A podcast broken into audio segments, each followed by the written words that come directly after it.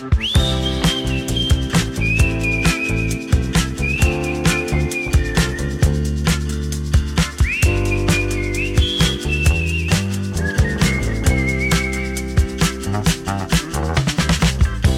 Sílvia. Hola, Andreu, com estàs? Molt bé, molt content. Aquests últims dies ha refrescat, han baixat una Sí. mica les temperatures i és d'agrair. La veritat és que sí, que feia molta calor aquests últims dies. Bé, suposo que per allà al Berguedà encara esteu millor que nosaltres, per aquí per Barcelona. Segur que sí. Amb això podem pensar una mica més clarament i estem millor en general amb, amb aquesta temperatura. Sí. Els últims episodis del podcast havíem parlat de temes molt diferents, com podien ser, per exemple, les begudes, o els amics, les fruites... Però avui de Mhm. què parlarem, Andreu? Bé, avui portem un tema diferent, potser un tema més, mm, més seriós, però que no necessàriament hauria de ser un tabú, com ho sol ser, i portem aquest tema, que ara el direm, perquè pensem que quan aprenem llengües, doncs al final hem de ser capaços de parlar de temes ben diversos i, per què no, doncs també d'aquests temes que poden ser tabús eh, en determinades societats, no? I bé, el tema que tenim avui, explica'l tu, Sílvia. És sobre el suïcidi. A principis d'aquest any vaig anar a una presentació que es va fer a Vià sobre un documental que ha fet el Carles Seuba i en aquest documental es tracta sobre el suïcidi. En aquesta presentació ens van passar diferents fragments del documental i, a més a més, hi va haver una taula rodona que, entre altres persones, hi havia la Judit Pons, que és una infermera especialista en salut mental i treballa, entre altres coses, amb, amb casos de, de suïcidi. Aquest documental es troba disponible, és una sèrie documental, més ben dit, a la plataforma Aixeta. L'Aixeta és una plataforma de micromecenatge en què hi ha molts creadors catalans dels diferents territoris de parla catalana que pengen allà el seu contingut i pagant, segons la subscripció, 3, 5 o 10 euros segons cada creador, pots accedir al seu contingut. En aquest cas, la sèrie documental, deixarem l'enllaç a les notes del programa per si us interessa i el voleu veure, es titula De tu a tu. Exacte. I cada temporada tractarà d'un tema que la societat no en sol parlar. Doncs sí, la primera temporada d'aquest documental està dividida en vuit capítols i en el conjunt és un, com un llargmetratge que tracta sobre el suïcidi. I bé, en aquest capítol és possible que hi hagi paraules i expressions una mica més complicades que les que poden haver sortit parlant de les fruites, per exemple, i per això us animem a fer-vos membres de la comunitat i utilitzar l'ajuda de vocabulari que ja teniu disponible si us feu membres de la subscripció de podcast a través de easycatalan.org barra membership. Exacte. Doncs comencem amb l'entrevista. Benvinguda, Judit Pons. Hola, Sílvia. Hola, Andreu. Moltes gràcies per convidar-me. Hola, com estàs? Bé, bé. Doncs, Judit, la primera pregunta que et volíem fer és en què consisteix la teva feina? Com bé has dit, Sílvia, quan em presentaves, jo sóc infermera, sóc especialista en salut mental i em dedico a atendre, a tenir cura de persones amb problemes de salut mental. A més a més, dins del meu dia a dia, atenc a un grup de persones amb una problemàtica més concreta, que és que presenten conducta suïcida. Llavors, sí que, Sílvia, quan presentaves deies eh, persones amb suïcidi, clar, evidentment les persones, quan hi han mort per suïcidi, malauradament ja no podem fer per elles, Uh -huh. però sí que abans eh, la conducta suïcida pren altres formes i en aquestes altres situacions és quan podem actuar. Uh -huh. La meva tasca com a infermera és sobretot d'acompanyament, és sobretot d'escolta, de donar suport i eh, estic treballant en un centre de salut mental amb altres companys, no? amb psiquiatres, amb psicòlegs, amb treballadors socials i intentant oferir l'ajut que necessita en cada cas la, la persona que estem atenent. De quina manera ajudeu les persones que tenen pensaments suïcides vosaltres i de quina manera podem ajudar, diguem, els no especialistes, les persones que podem estar a l'entorn d'algú que té pensaments suïcides? Molt bona pregunta, Andreu. Clar, fixeu-vos el, el que són les idees de suïcidi, el pensar en la possibilitat de, de suïcidar-nos, això no és una malaltia en si. O sigui, hi han persones que arriben a, aquesta situació de pensar en el suïcidi per situacions diferents. Llavors, aquí dependrà molt de la situació de cada persona, de què és el que ha portat la persona a trobar-se en aquest punt, de no veure una altra sortida que no sigui aquesta, veure què és. Per exemple, si una persona arriba a aquesta determinació perquè està en una depressió, Uh -huh. que veu el futur negre, no veu sortida, està limitat, està no, enlentit, està malament, està clar que haurem de tractar aquesta depressió, a part d'acompanyar a la persona en tot aquest procés.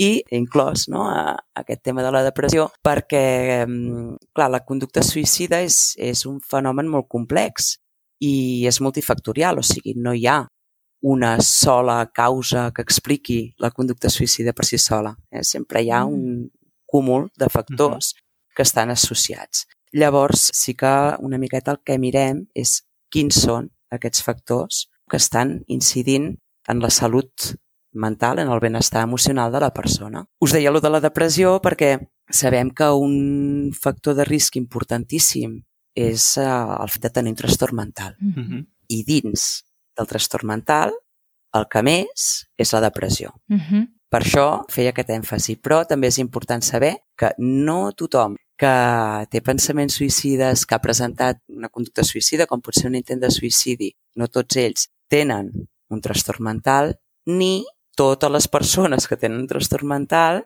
presentaran una conducta suïcida. Dic perquè de vegades no, aquest és un, un dels mites no, que, hi ha, que hi ha dins del suïcidi. No? Això és cosa només de persones que tenen problemes de salut mental o a mi això mai em passarà, això és una cosa dels altres i realment és un problema de salut pública en la qual tots ens hi podem trobar en un moment donat de la nostra vida. Uh -huh. Clar, ara estava pensant que, clar, una persona pot arribar a tenir aquesta mena de pensaments per raons molt, molt diferents que no tinguin res a veure amb, una, amb un trastorn mental, no? com podrien ser, jo que sé, una situació laboral extremadament estressant o no? coses així que poden portar una persona al límit. Correcte. El que passa que és, és molt complex perquè no tothom que té problemes laborals entrarà en idees de suïcidi, no? Mhm. I fins i tot una mateixa persona en diferents Clar. moments de la seva vida pot haver passat per situacions similars i en un moment donat no presentar-ne i en un altre moment sí. Què vull dir amb això? Vull dir que en cada moment s'ha d'anar valorant què li està passant a aquella persona. Clar. Per què? Mhm. Com és, no? Que hem arribat aquí. Sí que amb l'experiència de, dels anys que fa que m'hi dedico, el programa que tinc aquest mes d'octubre Uh -huh. farà 10 anys que està en funcionament. No? Per tant, hem estat atenent a força persones, Mm. cada una amb la seva complexitat, amb la seva situació, però sí que podríem dir que el que és un factor força comú a gairebé tothom és el patiment, el fet d'estar patint. Uh -huh. Estar patint i que la persona, fixeu eh, aquesta situació que em fa patir pot ser múltiple, pot ser molt diversa, però quan aquesta situació que m'està fent patir, jo considero que aquest patiment és insuportable, estic sol o em sento sol davant d'això i a més a més no veig que pugui haver-hi un final a aquest patiment, que no vol dir que no hi sigui, eh? Ja. jo estic dient que no el veig, aquí és quan moltes vegades es pot desencadenar aquesta possibilitat de pensar en el suïcidi. Com podem ajudar amb això? Uh -huh. Fixeu-vos, moltes vegades una persona està en aquesta situació de patiment, imaginem, posem jo ara estic en una situació de patiment intens, en aquesta situació que veig eh, irresoluble, inacabable, inaguantable i he començat a pensar en això. Clar, tenir aquest tipus de pensament no és agradable perquè, a més a més, la sensació és de què pensaran els altres, pensaran que estic boja, pensaran que sóc no sé què, perquè després, si voleu, en parlem no? de, de tots aquests mites associats no? i tots aquests judicis de valor Uh -huh. que hi ha entorn a la conducta suïcida. Llavors, el més probable és que jo això no ho comparteixi, que això m'ho calli, Mm. per por al que diran o per por a fer mal, no? Perquè com puc dir-li a una persona que estimo i que m'estima que estic pensant en morir, Uf, no? Perquè eh, jo el que vull és acabar amb el meu patiment, no vull fer-te mal. Clar. Llavors, aquesta situació és molt complexa, no? I, i és sobretot aquesta sensació de trobar-se sol. Com podem ajudar? Ostres, el fet de detectar que una persona no està bé, que està patint, i el fet de, una preocupació sincera Mm -hmm. de, escolta'm, et passa alguna cosa, et puc ajudar, vols que parlem? I el fet de poder parlar sense prejudicis, no? una escolta oberta, una escolta... O sigui, moltes vegades el sol fet que la persona ho pugui explicar i un altre pot rebre això amb disposició d'ajuda, okay? quan no estem des d'un perfil professional no hem de fer cap acció gaire complicada, senzillament és acompanyar a la persona a que pugui ser escoltada després per un professional. Mm -hmm. Mm -hmm. Així de senzill i així de complicat. Sí. Exacte, sí, sí. O sigui, en realitat és molt senzill, però, però com has dit molt bé, és molt complicat també, perquè és, és veure que l'altra persona ho necessita i poder fer servir les paraules exactes en el moment concret i escoltar-lo, que tu també has dit sense cap prejudici i, i de vegades no ens n'adonem i també tenim molts prejudicis. Per això, sí, el, el que es tracta és no negar que la persona està pensant en Mhm. això. Dic, perquè de vegades, com que no ens és còmode escoltar una altra persona que ens diu que no té motius per viure, que està cansada, que està patint, que això no ho pot suportar, clar, això no, és, no, no, no ens és agradable i de vegades, volent ajudar, el que tendim és a passar-ho per alt. Vinga, va, no diguis això, que mira quantes coses tens, que mira com... No? Clar, el fet de voler-li negar allò que li està passant, moltes vegades el que fem és silenciar-ho i que no pugui expressar el que realment li està passant. Mm? Torno amb l'exemple que us havia posat abans de la depressió. Moltes vegades, quan una persona està amb símptomes depressius, té una percepció de la realitat esbiaixada. Mm. Imaginem eh, que estem parlant d'una situació vital complexa. La persona, quan està deprimida, tendeix a fer una lectura encara més pessimista de com està. Mm -hmm. No? Al final no es tracta de dir-li la situació que tens és bona, no? sinó que és hi ha això que està malament, però hi ha coses que no estan tan malament no? I, i anem cap aquí. Això mateix també li pot passar a una persona que la situació vital no és complexa, però que està deprimida. No? Llavors nosaltres podem dir, home, però fixa't si, escolta, que eh, et va bé, que tens parella, que tens fills, que tens... No? I el que estem fent, sense voler-ho, eh, amb tota la bona intenció, és culpabilitzar-la. No? Si és clar, és que no m'hauria de sentir així. Per tant, és no neguem allò, això que li està passant no? i anem a fer aquest acompanyament perquè un professional pugui determinar si realment està passant això. Mm -hmm. No? Després hi poden haver altres coses. Clar, us he dit el tema de, de la depressió i de trastorns mentals. També tenim tot l'altre capítol del consum de tòxics, Mm -hmm. que clar, eh, quan tenim una percepció esbiaixada per, per aquest consum de substàncies, a part de tot el que ens pot complicar el nostre dia a dia, una, una addicció, doncs això també impacta eh, i produeix patiment. Mm -hmm. I ull, perquè moltes vegades quan parlem de substàncies no tenim en compte l'alcohol, que com que socialment la tenim molt acceptada, molt, molt estesa, moltes vegades obviem eh, la problemàtica que hi pot haver associada. Mhm. Clar. Sí, sí. La següent pregunta que et volem fer, Judit, és com hem de tractar una persona que hagi fet una temptativa de suïcidi? Primer de tot, com ja dèiem, fora prejudicis. Mm -hmm. Perquè moltes vegades la persona se sent culpable per això que ha passat, està en una situació molt vulnerable. Posem-se al seu lloc. Ha arribat un punt que has decidit plegar de viure. Ho has portat a terme i, per sort, la persona no ha mort, no? però ha fet el Mhm. pas.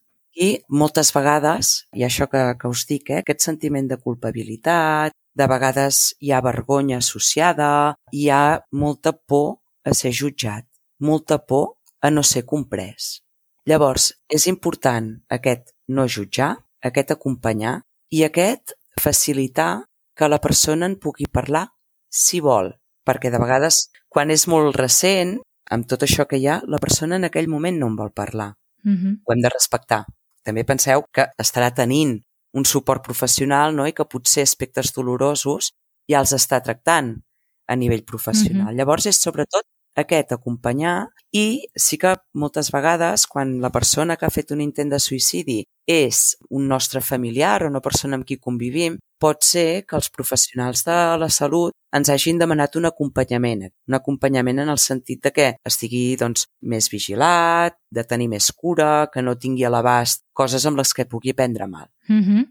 Perquè moltes vegades t'expliquen no, les persones que és com que l'entorn o estan com molt a sobre volent a parlar i volent, no? I que Sí. en aquell moment la persona pot estar molt cansada, a més a més, perquè moltes vegades s'han començat tractaments farmacològics i tal, doncs que hi pot haver aquest o molt a sobre o de, que de vegades suposo dins del punt de com que no sé què dir-li, doncs evito el contacte. Miro de no quedar, Ja. miro de, de no fer. No? I una miqueta es tractaria de no caure ni en una banda ni en l'altra. I escoltar a la persona que ha fet aquest intent què és el que necessita, com el podem ajudar. Veig que el tema d'escoltar i acompanyar és present en tot moment, eh? Vull dir, És super important. clar, són les coses que potser hauríem de millorar entre tots, no? Moltes vegades el que ens passa és que no sabem què dir. I com que Clar. no sabem què dir, diem moltes coses. I la majoria de vegades no es tracta tant de saber què dir, sinó d'acompanyar en els silencis no? i respectar els silencis. En aquesta situació que es troba la persona pot estar més enlentida no? i els silencis ens incomoden i volem omplir-los.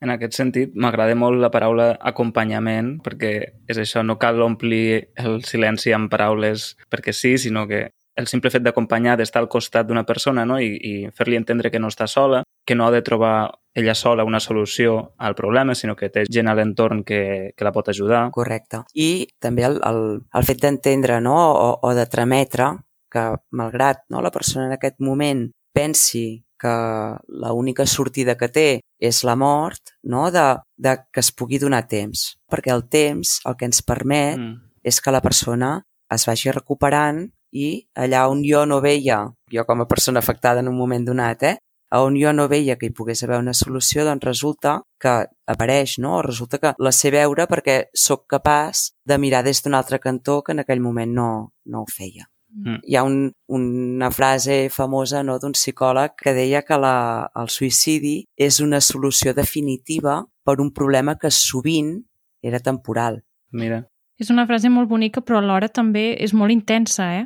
Perquè és, és com que sap molt de greu, no? Que si, si hi havia una cosa que podríem haver solucionat, no l'haguem solucionat. Correcte. Hi havia una psiquiatra expertíssima en conducta suïcida a Sant Pau, que era la Carmen Tejedor, que ella tenia una frase, ella era castellano parlant, però la, la frase en català seria no cal que et suïcidis avui, fes-ho demà. Ah, Que pot semblar molt frívol, uh -huh. però al final el que deia ella i el que transmetia ella amb això és si guanyem un dia més, tenim la possibilitat de veure-ho des d'una altra, des d'una altra perspectiva. I sempre no, a guanyar temps. Uh -huh. Clar, perquè al final, amb les emocions, realment, un dia pots veure-ho tot molt negre i l'endemà tenir una visió de les coses totalment diferent, no? Segons com. Correcte? No? O sigui, el temps Mm. eh, sempre ens ajuda a nivell emocional. Uh -huh. clar, és que la següent pregunta que teníem preparada era com hem de reaccionar o què hem de dir quan algú t'explica que hi ha hagut un suïcidi o què no hem de dir, perquè després de tot el que ens has dit, entenc que doncs hem d'estar al costat, hem d'escoltar més que no pas dir. Sí. I quan parlem de suïcidi, de, de que hi ha hagut una mort per suïcidi, l'entorn de la persona que ha mort, el nom que s'ha acordat utilitzar és el de supervivent. Quan parlem Mhm. de supervivents de suïcidi, parlem d'aquest entorn immediat de la persona que ha mort per suïcidi. És una situació molt complicada i molt dolorosa, no? Perquè, a part de la situació de dol, estem parlant que moltes vegades és una mort imprevista i amb circumstàncies moltes vegades molt tràgiques. Llavors, el dol habitual per una pèrdua, amb el supervivent se li afegeix tota aquesta aura que envolta el suïcidi, no? de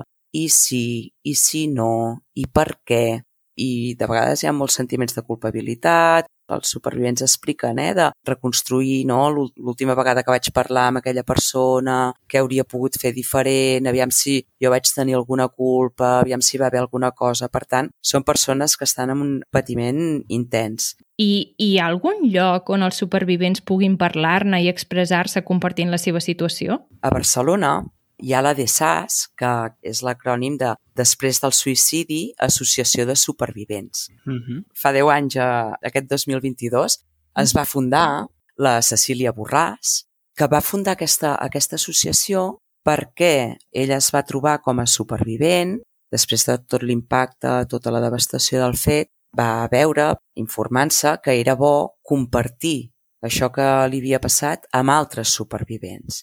I va estar buscant l'espai i va trobar que a Barcelona no hi havia cap associació, però és que a Catalunya no hi havia cap associació, però és que a l'estat espanyol no hi havia cap associació. Uau. Wow. Va fundar la primera. Fa 10 anys. Fa 4 Ah, no, dies. Fa molt poquet. Han fet una feina increïble de posar el problema de salut pública que és el suïcidi a l'agenda política. Han fet molt activisme, fan molta feina de conscienciació a banda de facilitar aquests espais de grups d'ajuda mútua en situacions de dol. Si algú es troba en aquesta situació i, i vol més informació, la web és després del suïcidi.org. Uh -huh. D'acord, doncs deixarem els enllaços també a les notes del programa per tothom qui ho vulgui consultar, per conèixer més sobre aquestes organitzacions. I, vaja, m'imagino que ara ja hi deu haver alguna associació més dins de Catalunya o la resta de l'Estat i segur que, clar, perquè qui ens escolta, hi ha molta gent que ens escolta des d'altres de, des països, no?, d'Europa o, o del món. Penso que sempre està bé buscar i mirar si hi ha associacions d'aquest tipus a prop teu, no? que segur que n'hi ha moltes. Cada vegada n'hi ha més, eh? A partir de la DSAS uh -huh. n'han anat apareixent més i, i, i benvingudes, no? perquè realment en aquells moments és, és important aquest suport amb qui el vulgui, perquè això també ho recalquen molt els supervivents. Cadascú té el seu temps, no? I de vegades és com que es dona molta pressa, no? Estem en una societat de tot ha de ser per abans d'ahir i és a poc a poc, no? I, i cadascú que camini al seu ritme. Mm Mhm. -hmm. Molt bé. Mira, un, una altra cosa important en, en relació a això, la sensibilització, a tenir present el problema del suïcidi, el 10 de setembre és el Dia Mundial per la Prevenció del Suïcidi i es fan diferents actes. A nivell mundial hi ha l'Associació Internacional per la Prevenció del Suïcidi i eh, és un dia que s'intenta tant a xarxes socials com a en altres àmbits d'anar conscienciant.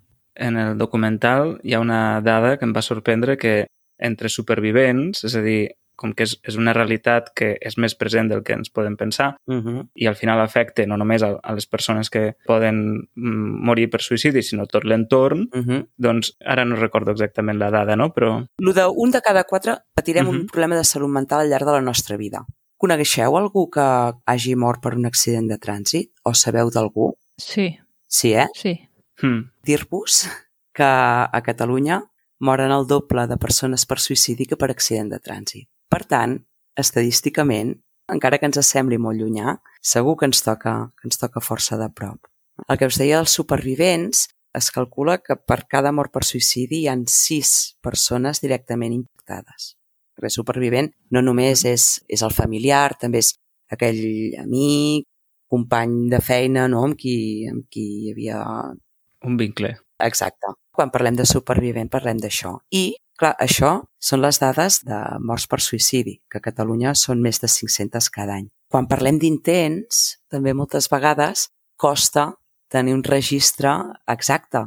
Hi ha costa de les morts per suïcidi, no? perquè de vegades hi ha morts que consten per altres causes i que en realitat ha sigut una mort per suïcidi, doncs amb els intents de suïcidi també els únics que podem comptabilitzar són els que acaben no, en un centre sanitari i tot i així de vegades els registres costa que estiguin bé. El càlcul uh Mhm. -huh. és que per cada mort per suïcidi hi han 20 persones que ho intenten per Wow. entendre Mm -hmm. La magnitud de, Mm -hmm. del problema. La OMS ja ho va dir, és un problema de salut pública. Mm -hmm. I tot i ser un problema tan gran, és una llàstima que no se'n parli més, llavors. És un problema real, però és tan tabú que no se'n parla enlloc. Entenc que moltes vegades per por i per desconeixement, perquè eh, suposo que heu sentit a parlar no, de ui, no, no, els mitjans de comunicació no es pot parlar del suïcidi perquè crida el suïcidi. Això ho heu sentit a dir? Sí, sí, sí. Mm -hmm. I tant. El nom és l'efecte Werder. Aquest nom de Werder és el nom d'un d'un personatge de la primera novel·la d'en Goethe.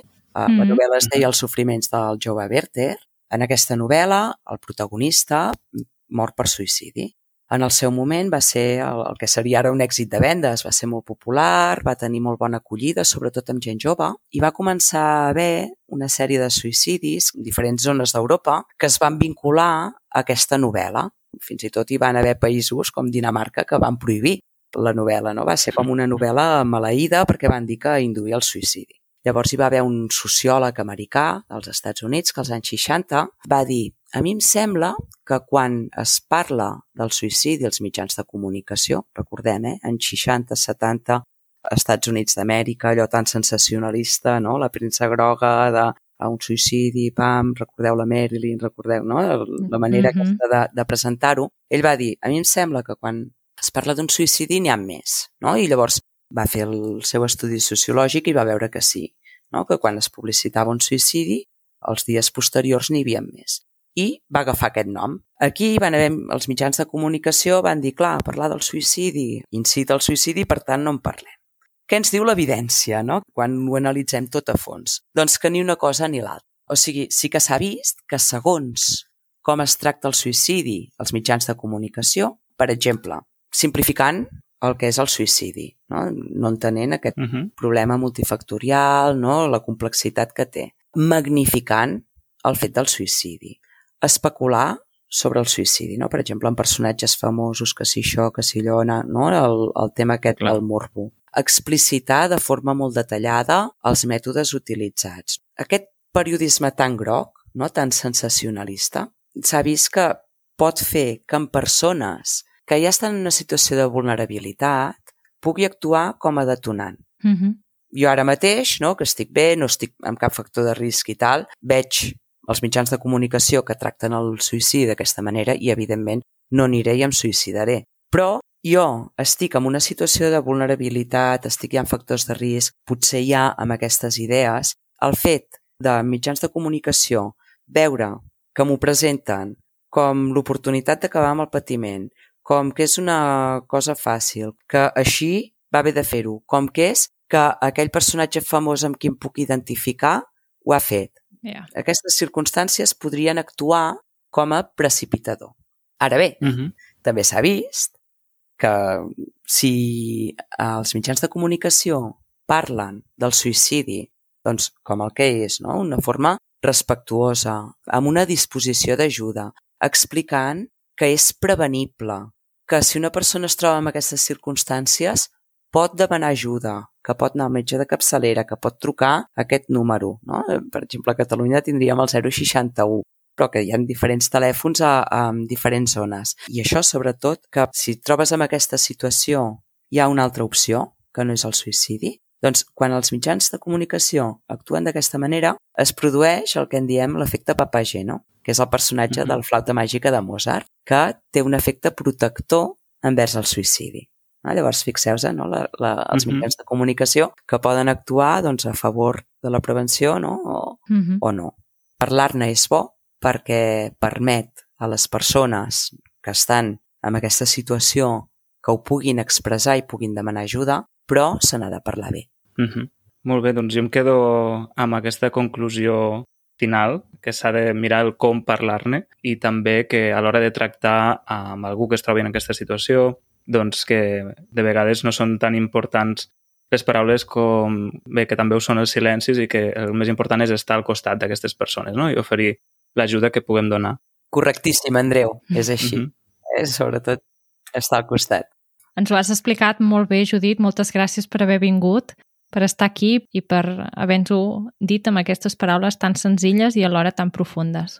Moltes gràcies a, a vosaltres, això, per convidar-me, per poder no, parlar d'aquest tema tan important i també per tota la tasca que feu per aquesta bonica llengua que, que compartim. Moltes gràcies. Bé, i parlant d'aquest tema, doncs volem enviar una abraçada molt forta a totes les persones que han viscut de prop o en primera persona una situació d'aquesta mena i, en especial, volem fer una, una menció a la Sara, d'Easy Catalan, i a la seva família, que, malauradament, són supervivents d'una mort per suïcidi. Una abraçada molt forta, Sara. Ja saps que t'estimem. Bé, i també recordar-vos a la resta de persones que ens heu escoltat que si us ha interessat aquest tema i voleu veure el documental, el trobareu a l'enllaç que hem deixat a les notes del programa, que us porta a la plataforma de l'Aixeta. I allà mateix podeu conèixer altres creadors de contingut en català. Doncs ara, després de l'entrevista, al bonus, l'Andreu i jo reflexionarem una mica més sobre el tema i per avui ho deixem aquí. Exacte. Així que moltes gràcies, Judit. Adéu-siau. Fins ara. Adéu.